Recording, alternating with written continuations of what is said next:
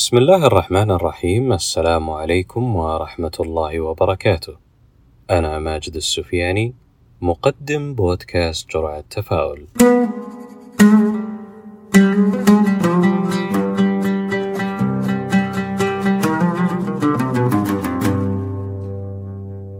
نستيقظ من النوم في بداية كل يوم ونمارس الحياة الطبيعية. عمل أو سفر وإلى آخره. ولا تخلو هذه الممارسات من التعامل مع الناس من حولنا من مختلف العقليات والأعمار والثقافات. ونتبادل المنافع والخدمات. ونسعى أن يكون يومنا هذا مريح وسعيد وأقرب إلى الأهداف التي رسمناها للمستقبل. ولكن لا يخلو تعاملنا مع الناس أحيانا من الزلل أو الخطأ بطبيعتنا كبشر.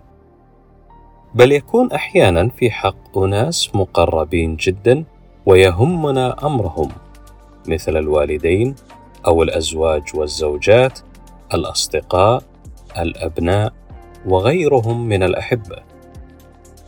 وهنا يكمن السؤال المهم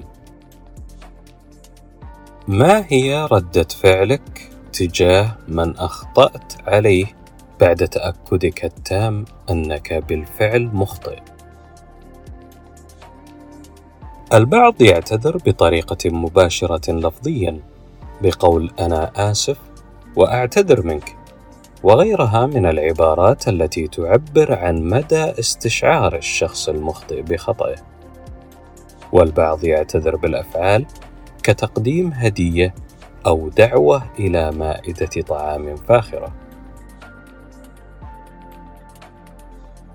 والبعض يعترف أنه مخطئ ولكن هذا الاعتراف بداخله وحبيس مشاعره وبينه وبين نفسه بعكس ما يظهر. يستمر في الإنكار والجدال والمكابرة. حتى أمام أقرب الناس إليه.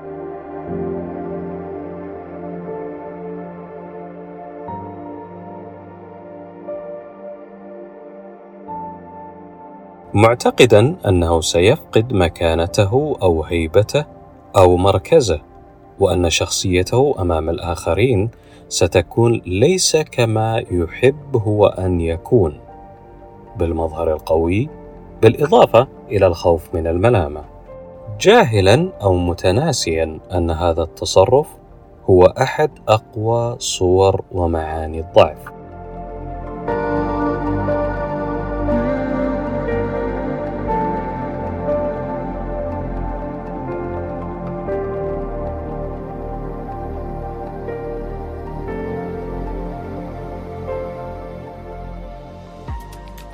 بما أن معظمنا يريد تحسين حياته ومستقبل أفضل يجب أن يبدأ الإصلاح والتأسيس القوي من الذات.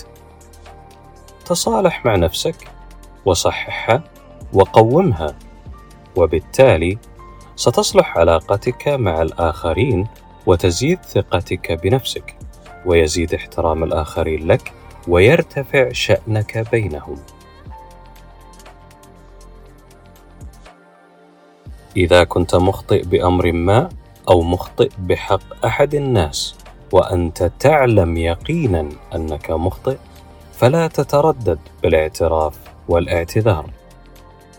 فمن الممكن أن نستيقظ غدا ولا نجدهم حولنا لأي سبب كان. ونبدأ بالدخول بدوامة أخرى من الندم ومعاتبة الذات. وتأكد هذه التجربة لا ترغب بخوضها. وتحلى بالشجاعة الكافية من أجل نفسك اولا ثم من أجل الآخرين من حولك.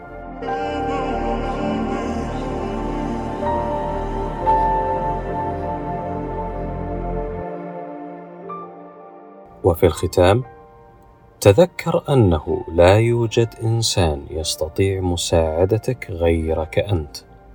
وأنا ماجد السفياني وهذه جرعة التفاؤل اليوم والسلام عليكم ورحمة الله وبركاته.